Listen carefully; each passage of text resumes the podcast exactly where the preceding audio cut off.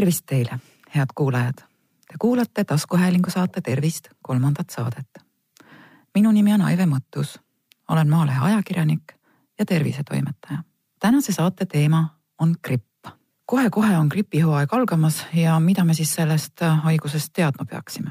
saate jooksul räägime sellest, mm, mis asi see gripiviirus on, kuidas ta levib, kuidas ta meid ründab, kuidas grippi diagnoositakse ja ravitakse kas me saame seda ise teha või peame arsti poole pöörduma ja lõpuks arutleme ka selle üle, kas on mõistlik ennast gripi vastu vaktsineerida või võiks selle tegemata jätta.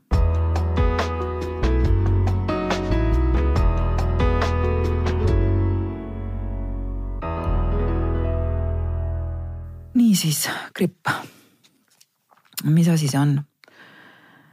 see on viirushaigus ja me võime üsna julgelt öelda, et äh, selle, et gripp äh, igal, igal sügisel, talvel ja vaata, et varakevadalgi äh, meid ründab.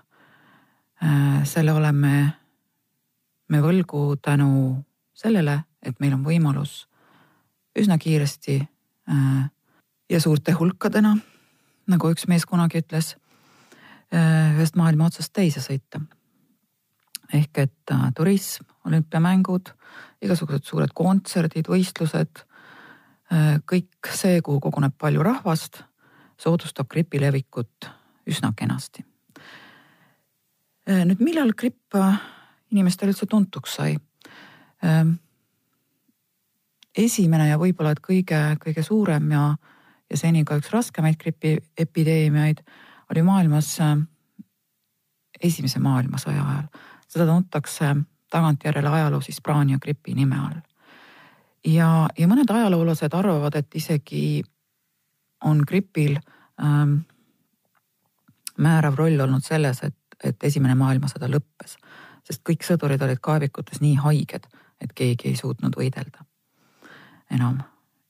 Äh, ja see gripp, Hispaania gripp tappis äh, tuhande üheksasaja kaheksateistkümnendal aastal maailmas viiskümmend miljonit inimest toona küll ei teatud, äh, mis seda haigestamist täpselt põhjustas, arvati, et tegemist on mingisuguse väikese mikroobiga. see, et, äh, et taudi äh, lasi lahti viirus, selgus alles hoopis hiljem. esimene viirus siis isoleeriti ja tehti kindlaks alles tuhande üheksasaja kolmekümnendal aastal. oleme rääk-, harjunud rääkima sellest, et et viirus on organism, aga tegelikult äh, pole teadlased tänase päevani kokku leppinud, kas viirus kui selline on elus asi või mitte. üks on aga kindel, et, et viirused, sealhulgas siis ka gripiviirus, äh, kanduvad väga kiiresti edasi ja paljud neist põhjustavad ka, äh, ka igasuguseid erinevaid tõbesid. üks ühine tunnus on, on paljudel viirustel veel see, et, et nad on pärit loomadelt ja jõudnud siis inimeseni. nii on ka gripiviirusega. et ähm, küll räägitakse linnugripist, küll seagripist, küll tavalisest hooajagripist äh,. Need, need siin linnu ja seagripi nimetused ongi tulnud sellest, et, et siis see nii-öelda peremeesloom või äh, organism, kust, kus see viirus on esialgselt pesitsenud, on siis kas lind või siga ja tavaline hooajaline gripp teadaolevalt on pärit lindudelt. nüüd äh, mida see pisikene, pisikene äh, viirus siis meie sees teeb, kui ta, kui ta kohale jõuab äh,? tegutseb üsna kavalalt. no viirus on selline, ütleme siis nii, et organism, eks ole, olgugi, et me ei tea, kas ta on elus või mitte äh,. et ta ise paljuneda nii-öelda väljaspool iseseisvalt äh, väljaspool organismi ei suuda. ja selleks, et paljuneda, selleks, et levida, kasutab äh, gripiviirus niisugust äh, kavalat taktikat, et ta hüppab väliskeskkonnast läbi õhu meie limaskestale, poeb seal, kinnitub raku külge, siis poeb sinna raku sisse kasutab hoogsalt ära kõik selle energia, mis rakk on enda elutegevuseks varunud. paljuneb seal raku sees ja siis need paljunenud viiruseosakesed upsavad rakust välja ja lähevad ründama järgmisi rakke. üsna kaval taktika, eks? aga see on tegelikult ainus võimalus gripiviirusele ellu jääda. ja gripiviiruseid on teadaolevalt kolm liiki. Neid tähistatakse lihtsalt tähtedega A, B ja C. kõige enam levinud on A-gripp, pisut vähem B ja, ja veel vähem C. nii et tavaliselt gripihooajal me ikkagi räägime siis kahte tüüpi gripi levimisest. Need on siis A ja B. tänase saate jooksul te kindlasti kuulete, et ma krabistan siin palju igasuguste paberitega. aga see kõik on selleks, et, et teile võimalikult korrektset informatsiooni anda gripi kohta. mul on siin välja prinditud paberilehed, mul on kaks raamatut, mul on arvutiekraan ka lahti. ja vaatame siis edasi, kuidas gripp kulgeb. mis ta meie organismis halba teeb?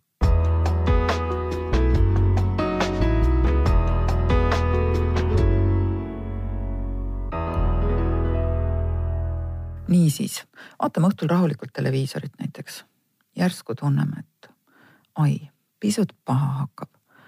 ja ei lähegi kaua mööda, võib-olla et pool tundi, isegi vähem, kui palavik on kõrge ja Teil on tunne, nagu te oleksite hakklihamasinast läbi käinud, kõik kohad valutavad. ja palavik on tõesti tõusnud kõrgele kohe väga kiiresti sinna kolmekümne kaheksa, kolmekümne üheksa kanti. nohu lisandub kiiresti, köha, kurk on valus, kõik liigesed valutavad, isegi silmamunad tundub, et valutavad.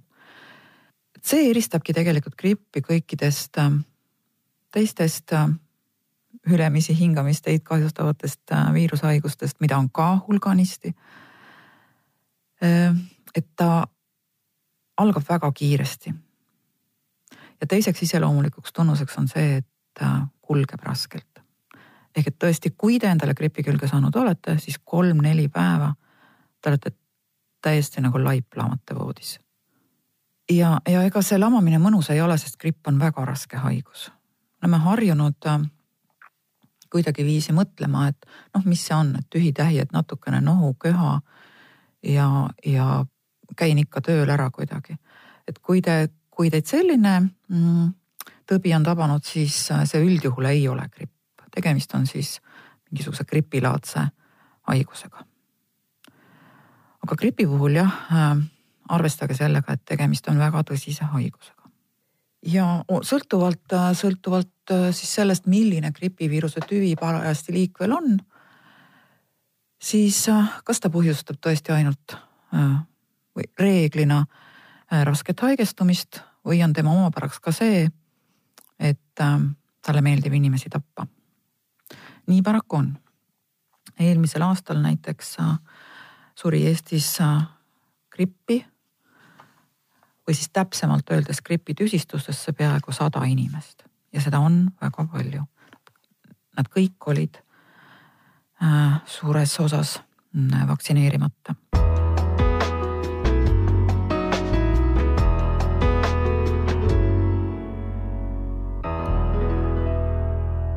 Kui te nüüd olete selle gripi endale külge saanud, mida siis teha? esimene asi on see, et äh, te peate koju jääma ja mitte ainult koju, vaid lausa voodisse. sest äh, gripp ikkagi kurnab organismi nii palju, et teil on vaja puhata selleks, et, et sellest haigusest jagu saada. sageli hakatakse kohe esimeste niisuguste äh, nähtude ilmnemisel jooma ägedalt äh, siis gripiteesid, mida apteegis müüakse seda tegelikult äh, peaks natukene vaatama, kuidas neid, äh, neid teesid juua, sest äh, tegelikult tegemist on ikkagi ravimiga. ja need ei ole ainult laustuvad pulbrid, millel on hapu maitse, vaid nad sisaldavad ravimeid. seal sees on palaviku alandajad, seal sees on ravimid, mis vähendavad nina limaskesta turset ja, ja mõjuvad ka kesknärvisüsteemile köha pärssivalt. ja nüüd esimene reegel on see, et gripiteed võiks hakata jooma alles siis, kui palavik on tõusnud piisavalt kõrgele. kui palju on piisavalt kõrgele? kolmkümmend kaheksa, viis. Kui hästi talute palavikku, siis kolmkümmend üheksa. miks ei tohiks enne neid teesid jooma hakata? miks tekib üldse palavik? griibi puhul tekib palavik sellepärast, et organism hakkab ise sisse tunginud viirusega võitlema. ja kui te nüüd palaviku maha surute, siis te tegelikult äh, surute maha organismi võitlusvõime. ja suure tõenäosusega te pikendate oma haigestumist kui aga tõesti palavik on tõusnud üle kolmekümne kaheksa viie, te tunnete ennast, tunnete ennast väga-väga halvasti, siis on gripiteed igati omal kohal. teine viga, mida tehakse nende teedega, on see, et neid juuakse liiga palju. ehk et päevas viis, kuus, seitse korda. nii ei tohi teha. alati, kui te selle paki ostate, lugege sealt läbi instruktsioon väikeses kirjas mitu korda päevas seda teed võib juua ja pidage sellest ka kinni. sest veel kord, äh, seal sees on ravimid ja ükski ravim ei ole kehale täiesti ohutu. kui te olete voodisse jäänud, siis äh, lahmage seal rahulikult, äh, ärge töö peale üldse mitte mõelgegi, veel vähem ärge seda tehke, isegi kui, kui teil oleks võimalus arvutiga voodisse ronida ja sealt mingisuguseid tööasju korraldada. Telefon pange kaugele ära püüdke magada, kui koha, köha ja nohu lubavad. ja lihtsalt äh, olla. Äh, vedelikku tuleks juua üsna palju. Mm, parim on ilma gaasita äh, mineraalvesi ehk et noh, ostate, lasete endale poest tuua pudeli värskat, panete selle lahtiselt seisma, isegi võib-olla hea, kui kallate kallate äh, suurde avatud nõusse, gaasid lähevad mõne aja pärast välja ja siis joote seda vett. seal sees on äh, vajalikud mineraalained, mida te naha kaudu higistades kaotate, kui teil kõrge palavik on. nii, vaatame siis, vaatame siis veel targast raamatust järgi, mis, äh, mida soovitab teha perearst Madis Veskimägi gripi puhul oma uues raamatus, mis just, just päevavalgust nägi. Nonii, temagi ütleb siin, et mitte mingil juhul ei tohi minna tööle, poodi, veel vähem kinno äh,. tore on ka see, kui te saate tuba paar korda päevas tuulutada ja akent lahti hoida isegi siis, kui väljas on päris külm, sest gripiviirus ei armasta külma ja värsket õhku. ja ja üks, mis kindel on see, et äh, antibiootikumid gripi puhul ei aita. miks? sest äh, nagu me rääkisime, on gripp viirushaigus, antibiootikumid aga mõjuvad bakteritele. ja nii lihtne see ongi. kui aga teil eriti halvasti läheb ja te gripist mõne tüsistuse saate, kas siis äh, kopsupõletiku, keskkõrvapõletiku, põstkoopovõletiku või mille muu iganes. ja, ja on kindlaks tehtud, ähm, et tegemist ei ole näiteks mitte viirusliku kopsupõletikuga, vaid bakteriaalse kopsupõletikuga, siis on antibiootikumid igati omal kohal ja need äh, määrab teile arst. mingisugusest äh, eelnevast eluetapist koju jäänud äh, üksikuid antibiootikumi tablette ei tohi kindlasti katsetama hakata, sest äh, sellega te teete endale ainult kurja. nüüd äh, mõned inimesed arvavad, et, et grippi saab ravida ka rahvameditsiini vahenditega. noh, küüslauk, mesi äh,, isegi alkoholi on pakutud. mina ütleks selle kohta nii, et kui need asjad tõesti grippi raviksid, siis oleks see inimene kes äh, seal kindlaks teeb või kindlaks tegi, juba ammu Nobeli preemia saanud. paraku on tõsi see, et, et mõnede vahenditega neist näiteks küüslauguga või meega võib oma organismi pisut turgutada, aga seda siis enne, kui te olete haigeks jäänud, sest et gripiviirusele paraku äh, need asjad ei mõju. Ja läheme veel kord tagasi selle juurde, et selgitada, miks nad ei mõju. Äh, kuidas siis äh, gripiviirus meid ründas, eks ole, ta kinnitus raku seinale, läks raku sisse, paljunes seal ja siis kõik need paljunenud osakesed hüppasid välja ja levisid üle organismi laiali ja hakkasid teisi rakke ründama. nüüd on enam kui kindel, et küüslauk nii toimida ei saa. raku sisse ta ei tungi, järelikult ta seda viirust, mis seal raku sees paljuneb, ka ära tappa ei saa mitte kuidagi. mesi samamoodi. mida aga teeb alkohol? organism on teil niigi kurnatud gripiviiruse tõttu, võitleb tohutult. ja kui te nüüd äh, seda oma meelest veel turgutate pitsi viinaga, lootes, et oh, see paneb nüüd kõik asjad paika ja ma saan hommikuks terveks, siis tegelikult te ju lisate hoopis oma maksale lisakoormust veel, sest ta peab hakkama tegelema selle alkoholi lõhustamisega. ja energia kulub mingis osas sinna hoopis selle asemel, et võidelda gripiviirusega. nii et mina soovitaks seda küll mitte teha. ja, ja seda tegelikult äh, soovitavad ka teised. näiteks äh, Kristiina Šmigun-Vähi on oma, oma raamatus, mis äh, jutustab tema sportlased eest, kirjutanud niiviisi. siis sellest, kuidas nad, kuidas nad õe Katriniga haigusi ennetasid. meie põhiline tervendaja oli küüslauk. me toppisime viinapudeli ääre tasa küüslauku täis ja lisasime ka tšillipipart. sai nii vänge, et kork käis vurtsuga maha. rohi oli reisidel äh, lapikus pudelis alati kaasas. Kohe, kui keegi minu poole aevastas, võtsin lonksu ja pisikud olid hetkega tapetud haisesin muidugi kohutavalt, aga see pisiasi ei häirinud ühtki talisportlast. kõik me ragistasime küüslauku mõlema suupoolega. ja nüüd pange tähele, kahjuks ei tähendanud küüslaugu krõmpsutamine, et me tõbedest täiesti pääsenud oleksime. ehk et siis moraal selles, et loomulikult on küüslaugul teatav äh, antibakteriaalne ja, ja organismi tugevdav toime olemas, aga mm, ega ta nüüd äh, üks tõsine äh, ja tõhus ravim ei ole. ja, ja sellest, mis juhtus Kristiina Šmigun-Vähiga, kui ta ükskord äh, haiguse peletamiseks klaasitäie viskit jõi, võite te juba raamatust lugeda.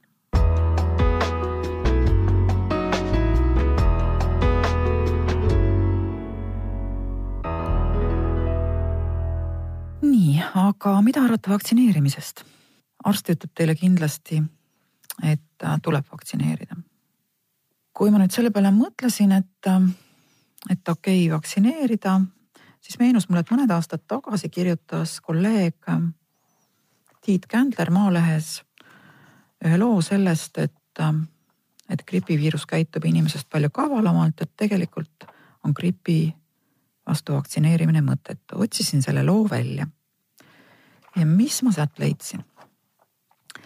leidsin, et tema artiklis äh, kasutatud väited põhinevad äh, niisugustel teadustöödel, mis on tehtud ühes Itaalias asuvas teadusasutuses Cochrane Collaboration. ja seal on siis juhtis neid teadustöid kahekümne aasta jooksul. Niisugune teadlane nagu Tom Jefferson. Äh, ta oli Briti sõjaväemeedik, perearst ka olnud mõnda aega ja epidemioloog. Ja üldsegi mitte äh, põhimõtteliselt vaktsineerimise vastane inimene, ta on öelnud, et, et kõik tema viis last on vaktsineeritud ähm, siis enamlevinud äh, vaktsiin tõrjutavate, vaktsiin välditavate haiguste vastu, kuid gripi suhtes on, on ta eriseisukohal ja miks? ja mis neil gripi, gripi uuringutel siis häda on? tema väitel on nende metoodika pisut vildakas ja see ei võimalda kindlaks teha, kas gripivaktsiin väldib grippi või mitte. mingisugusel ajahetkel, tõenäoliselt mõned aastad tagasi, oli ta üle vaadanud koos oma kaastöötajatega seitsekümmend erinevat äh, gripivaktsiini tõhususe uuringut, mis maailmas on tehtud ja leidis, et nendest ainult äh, viisteist sobisid metoodiliselt äh, siis hindamaks seda, kas gripivaktsiin on tõhus või mitte. ja nendest viieteistkümnest vaid neli andsid siis arvestatava tulemuse. kaks neist näitasid, et gripivaktsiin on tõhus ja kaks, et mitte. nii et, et nagu otsustamise asi, kuhu, kuhu oma seisukoht kallutada. küll aga viitab sellele samale, sellele samale Cochrane Collaborationi uuringutele Eestis kasutatav immuniseerimise käsiraamat, väites, et vaktsiin on tõhus ja opereerib tegelikult nende samade suurustega, millega Tom Jefferson, kuid Tom Jefferson peab ebatõhusaks seda, et vaktsineerides seitset täiskasvanut saavutame selle, et üks ei haigestu, siis äh, meie Terviseamet peab seda sama näitajat tõhusaks.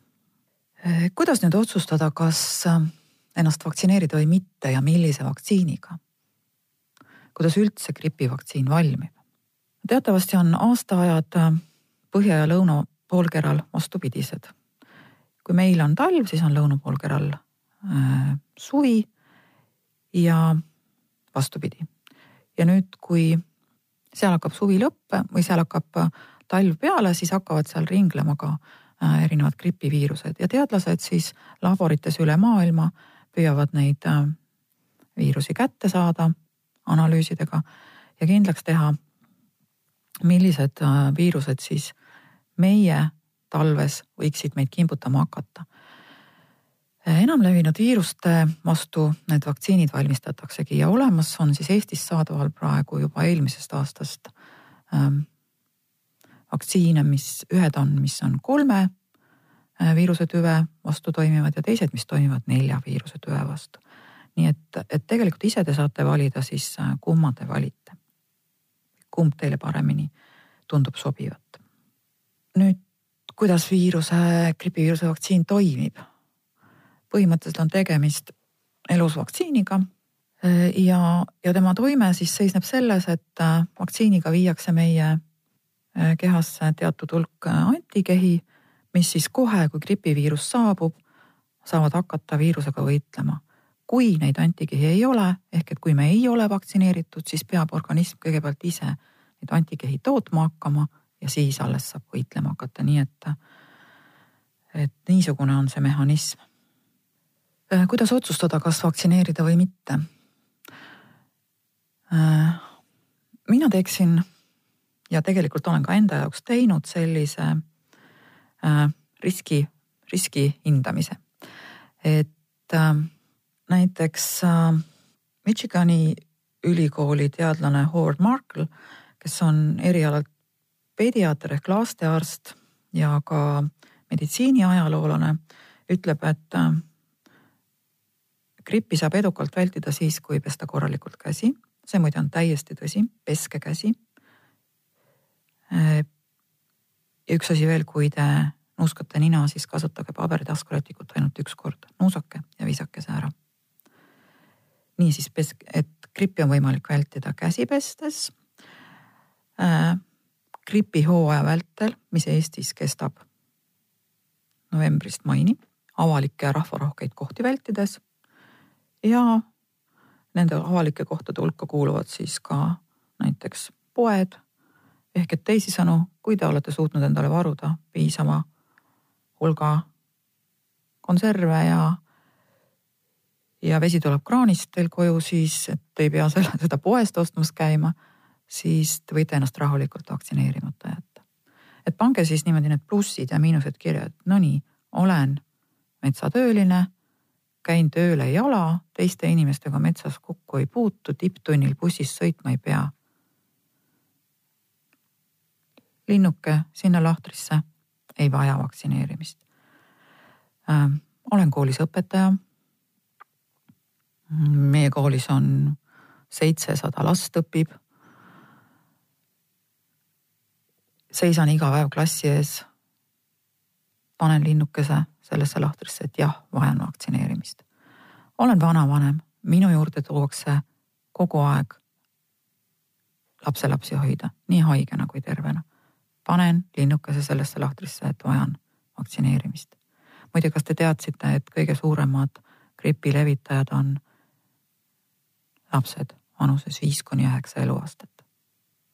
ehk et kui teil on kodus lasteaias käiv laps või koolis, siis tasuks vaktsineerimisele mõelda. ja noh, loomulikult, kui te töötate äh, suures töökollektiivis või olete poes müüja, kus teie eest iga päev väga palju inimesi läbi käib ja kahtlemata mõni neist ka aevastab teie peale, siis on, on vaktsineerimine mõttekas. Äh, kui Jeffersoni tehtud äh, ülemaailmsed ja analüüsitud ülemaailmsed suured äh, kohortuuringud, kohort tähendab seda, et, äh, et ühesuguste tunnustega inimesed on siis võetud sinna uurimise alla, ehk et näiteks Eestis elavad kuuekümne aastased inimesed või siis teine tunnus, kolmekümne aastased suitsetavad mehed. ja tõesti need uuringud siis on, on suuremahulised, kui need näitavad äh, tema arvates, et äh, vaktsiin ei ole tõhus, siis tasuks tegelikult igalühel mõelda ka sealt mõni tasand allapoole. Mõtleme esialgu Eesti tasandile, mõtleme nendele inimestele, kes möödunud aastal grippi haigestusid ja kes paraku ka grippi surid. Tuleme sealt veel natukene allapoole ja mõtleme isiklikule tasandile mina olen ennast aastaid gripi vastu vaktsineerinud. Möödunud aastal haigestus grippi minu kolleeg väga raskelt, kes istus minust pooleteist meetri kaugusel töö juures. mina haigeks ei jäänud. kuid tema oli gripi vastu vaktsineeritud mis tähendab tegelikult seda, et gripivaktsiin, ükskõik milline vaktsiin ei anna mitte kunagi sajaprotsendilist kaitset. Äh, tema loole eelnes veel see, et, et enne gripi haigestumist äh, põdes ta üsna pikalt äh, siis gripilaadset haigust, et oli niisugune kerge palavik, kolmkümmend seitse, üks, kaks, nohuköha, aga käis vapralt tööl ja nii mitu kuud otse loomulikult juhtub sellise käitumise tulemusel, et organism jääb nõrgaks ja muutub vastuvõtlikuks. ja olgu te, olge te vaktsineeritud või mitte, gripp saab teid kätte. Nii et äh, gripi puhul on tegelikult oluline tark tegutsemine. ja tark tegutsemine seisneb gripi puhul siis kaalumises, kas vaktsiin võiks mind aidata või mitte. ja käte pesemises, need on kaks, tõesti hoolikas käte pesemises, need on kaks äh, tõenduspõhist viisi, kuidas grippi saab vältida. loodan, et see teil õnnestub. Seniks aga tervist teile, head kuulajad. Äh, minu nimi on Aive Mõttus, olen Maalehe ajakirjanik ja tervisetoimetaja. kohtumiseni järgmises tervisesaates juba tuleval reedel